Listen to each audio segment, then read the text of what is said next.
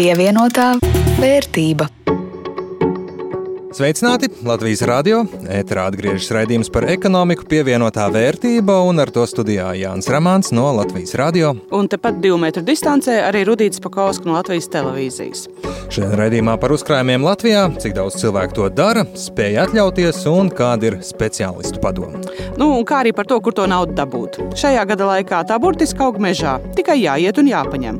Uzzināsim, kāda ir sezona uzņēmumiem, kur darbība saistīta ar meža ogu un sēņu iepirkšanu, pārstrādi pievienojiet tam vērtību. Bet vispirms īsi par aktuālo ekonomikā. Pievienotā vērtība. Ekonomika Latvijā atvesļojas no Covid-19 drebuļiem, par to liecina vairāk skaitļu un fakti. Jūlijā, salīdzinot ar iepriekšējo mēnesi, auga preču un pakalpojumu cenas mazliet netipiski tradicionālajam cenu ciklam jūlijā, bet Šogad jau vispār nekas nav tā kā ierasts. Turpmāk ekonomisti prognozē, ka atsevišķos mēnešos mēs atkal varētu atgriezties pie nelielas deflācijas, taču bažas par tās nostiprināšanos uz ilgāku laiku ir, kā saka, izveidinātas un uz gada beigām inflācija atgriezīsies. Un tas ir labi. Jo, lai gan mēs visi, protams, gribam pirkt lietas un pakalpojumus lētāk, neliela veselīga inflācija tomēr ekonomikai kopumā ir ērtāka. Pozitīva pieauguma tendence ir arī mazumtirdzniecības datos. Apgrozījums jūlijā ir audzis par 3,8%, kas nozīmē, ka cilvēki pērk un tērē vairāk. Atgriežas optimisms un neskaidrība par nākotni sarūk. Viens no ekonomiskā optimisma rādītājiem Eiropā, ekonomiskās pārliecības indeks, ir sasniedzis pēdējos piecos mēnešos augstāko līmeni, pārsteidzot pat ekonomikas analītiķus. Laikam jau cilvēku dabā ir ne tikai redzēt negatīvo, bet arī raudzīties nākotnē ar gaišu skatu. Jā, bet, nu, lai nebūtu pārāk optimistiski. Riska un neskaidrība pasaulē, un tepatās arī pie mums, joprojām ir gana daudz, lai ar tādām akmenī kaltām prognozēm un pārlieku optimismu neaizrautos. Mūsu kaimiņu lietuvieši aizvadītajā piekdienā izglābās no nokļūšanas Covid-19 zelta no valsts sarakstā, bet nu par mata tiesu, un šobrīd viņi jau šo robežu ir pārsnieguši. Un tas savukārt nozīmē, ka brīvā ceļošana Baltijas burbulī būs jāpārskata un tās ir ļoti sliktas ziņas turisma nozarei. Tā pēdējos pāris mēnešus uzelpojas pateicoties tieši Igaunu un Lietuviešu ciemiņiem. Ja runājam par zaudējumiem, tad neizbēgami tādi ir Latvijas Nacionālajai aviokompānijai AirBaltic. Pirmajā pusgadā te jau 185 miljoni eiro.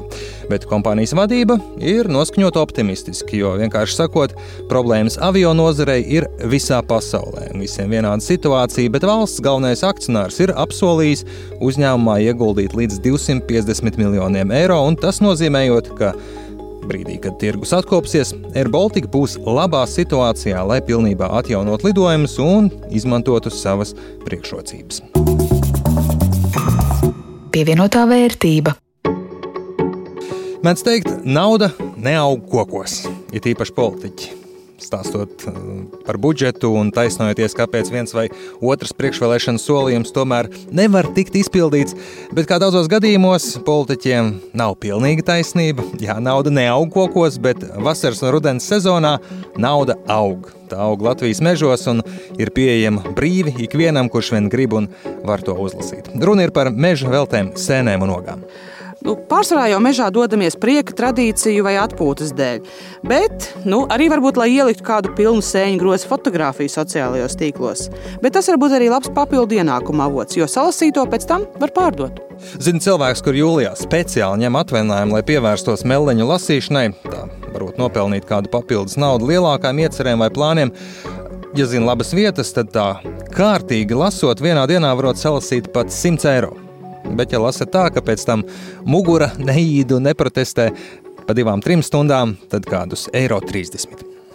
Meliņlaiks gan jau ir aiz muguras, bet šobrīd aktuāls ir sēnes, brūklens un dzērvens. Bet par tiem lasītājiem naudas dēļ mani gan māca šaubas, jo jāatcerās, lauksaimnieki tak sūdzējās, ka viņiem trūkst ražas novācēji.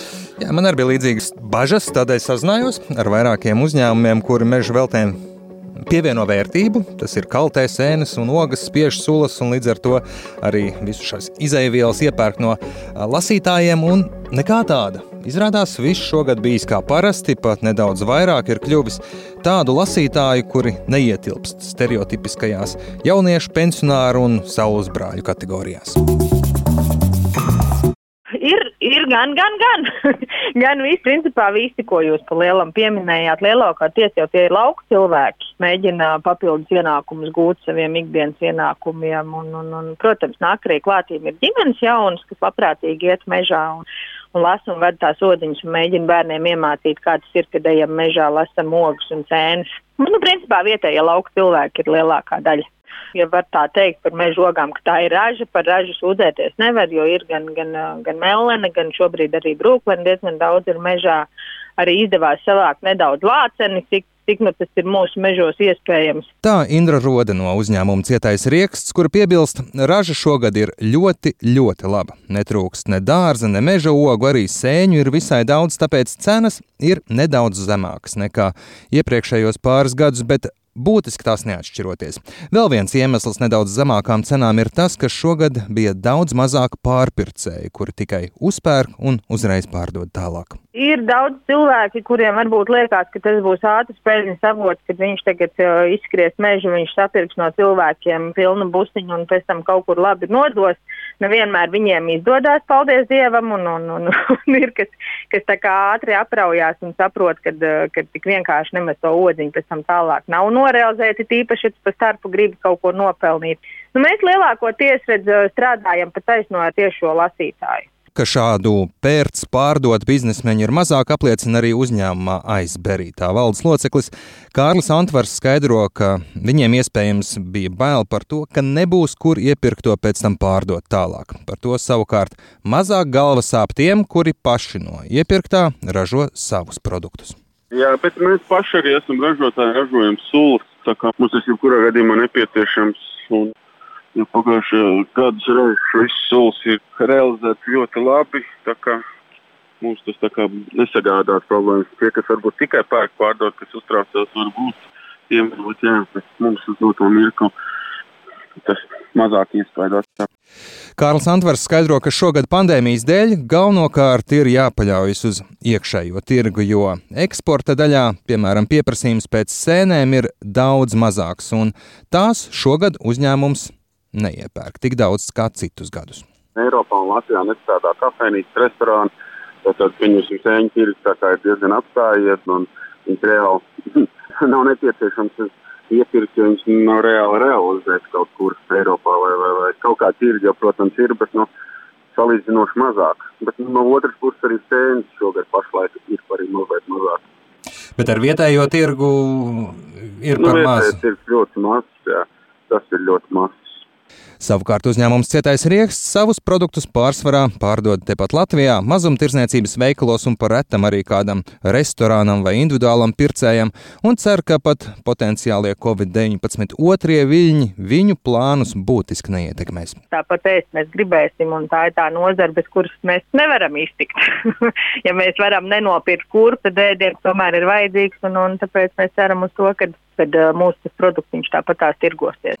Ja nu kāds domā doties mežā, lasīt tur naudu, tad var atklāt, ka šobrīd ir aktīva brūkleņa sezona. Pēc lietainajām dienām uzņēmumi ļoti cer uz kvalitatīvām baravikām, kurām šogad vajadzētu būt daudz. Pagaidām nav bijis, bet uh, sezona tiks noslēgta ar dzērveņu iepirkšanu. Pievienotā vērtība. Lieka nauda nekad nav lieka. Tas ir kā lai nosauc? Uzkrājums. Uzkrājums. Uzkrājums jā. Kādai nebaltākai dienai, sirdsmieram vai kādam lielākam mērķim, mēs šajā rudenī jau no mācību gadu uzsākot arī esam apņēmušies mācīties. Mācīties krāt un šo uzkrāto vairot. Un ņemsim jūs arī, klausītāji, līdz šajā piedzīvojumā. Un kā tev pašam ir ar to uzkrājumu, Klau? Tāds simbolisks, mazs un mīļš, bet ar neizmērojamu potenciālu augt un augt. Kaut kā tā. Nu jā, man jāatzīstās, man nepietiek, sirdsmieram nepietiek. Bet, ja runājam ne tikai par mums, bet par visiem, tad ir laba, es pat teiktu, nebijusi ziņa. Latvijas iedzīvotāji šobrīd ir uzkrājuši vairāk nekā ir kādam parādā aizņēmušies. Tomēr līdz ideālai situācijai uzkrājuma veidošanā vēl tāls ceļš ejams, jo katram ceturtajam Latvijas iedzīvotājam vispār nav uzkrājuma. Dzīvo no algas līdz algai. Bet par uzkrājumu kultūru Latvijā un to, kāda tad ir zelta formula īstermiņa un ilgtermiņa noguldījumiem, turpina Linda Zalāne. Īstermiņa un ilgtermiņa uzkrājuma veidošana prasa nevien vēlmi un finanšu iespējas, bet arī disciplīnu.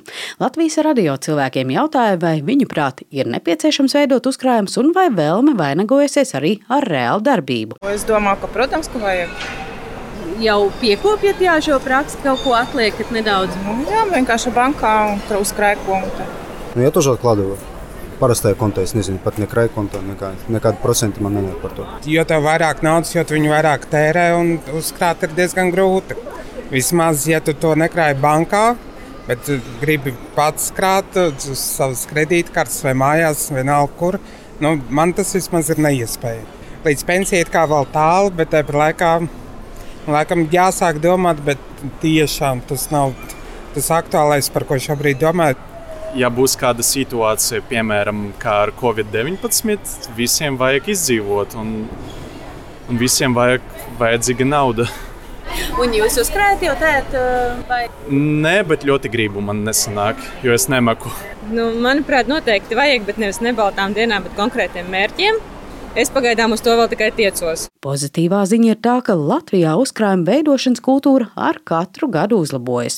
Tiesa tas notiek pakāpeniski un lēniem soļiem. Tomēr statistikas dati pēdējā gadā ir iepriecinoši, teica Citadele banka grupas meitas uzņēmuma CBL Life valdes priekšsēdētāja Jolanta Jērāne. Uzkrājumi kopumā Latvijā iedzīvotājiem ir vairāk nekā aizņēmumi vai kredīti, nu, kas ir tāda laba tendence. Uzkrājuma liederību īpaši var novērtēt krīzes laikā, un arī šī gada pavasars ar covid krīzi to pierādīja. Jā, mēs redzam to, ka daļa no uzkrājumiem pakāpeniski tiek tērēti, bet tajā pat laikā cilvēks turpina šo uzkrāšanas ieradumu ar mazākām summām. Kā reiz SEB banka šajā pavasarī Covid krīzes laikā veic arī aptāju, lai noskaidrotu, cik tad cilvēki ir sagatavojušies šādām nebaltām dienām. Turpina SEB Life and Pension valdes locekle Kristīna Lomanovska. Latvijā, teiksim, šo te uzkrājumu, lai pārdzīvotu krīzes šos te mēnešus, nebija apmēram trešai daļai. Igaunijā tikai ceturtā daļa un Lietuvā tikai piektā daļa bija tāda, nu, zem sitiena. Palūkojos FKTK veiktajā finanšu pratības pētījumā arī tur redzam, ka tādi uzkrājēji savukārt ir cilvēki, kuri veido uzkrājums, ir apmēram trešā daļa iedzīvotāji.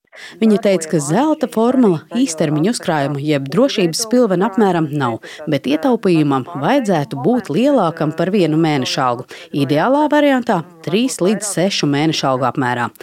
Svetbank Finanšu institūta eksperte Evija Kropa uzsver, ka pirmais solis ir panākt, lai mēneša beigās izdevumi nav vairāk par ienākumiem.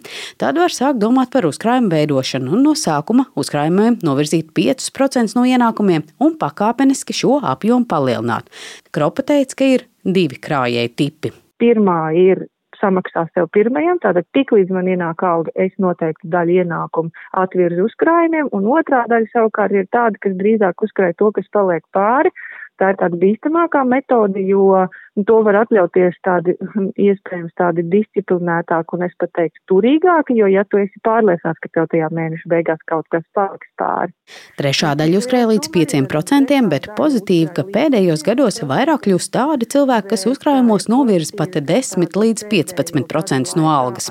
Un visbeidzot, visiem banku ekspertiem jautājām, kādēļ tad ir prātīgāk uzkrājums veidot bankā, nevis eiro likt zeķē vai zem gultas. Turot zeķē ir ārkārtīgi daudz daudz risku. Jā, kāds teiks, pretim tāda ir arī bankā. Protams, jā, bet tur ir zināmas garantijas, kas tev garantē, ja nu vien tu nekrāj tur jau entos simtiem tūkstošu eiro. Pat krājkonts, kurā šobrīd ienesīguma likme vai šis peļņas procents ir salīdzinoši neliels, tas ir vairāk nekā nulle procenti, kurus mēs varam nopelnīt, turot naudu zeķē.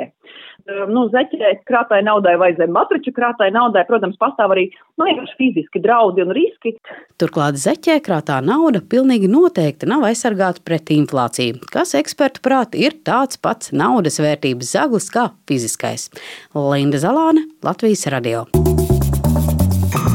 Bet jau nākamajos raidījumos šo tēmu turpināsim. Kāda ir naudas noguldīšanas veidi, kā uzkrāt to vairot, lai to nesēda šī zeķu inflācija.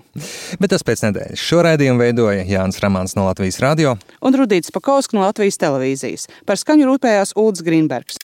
Šo un visus iepriekšējos raidījumus jūs varat atrast Google un Apple podkastos, un, protams, arī Latvijas radio mājaslapā internetā. Uz tikšanos pēc nedēļas! Pievienotā vērtība.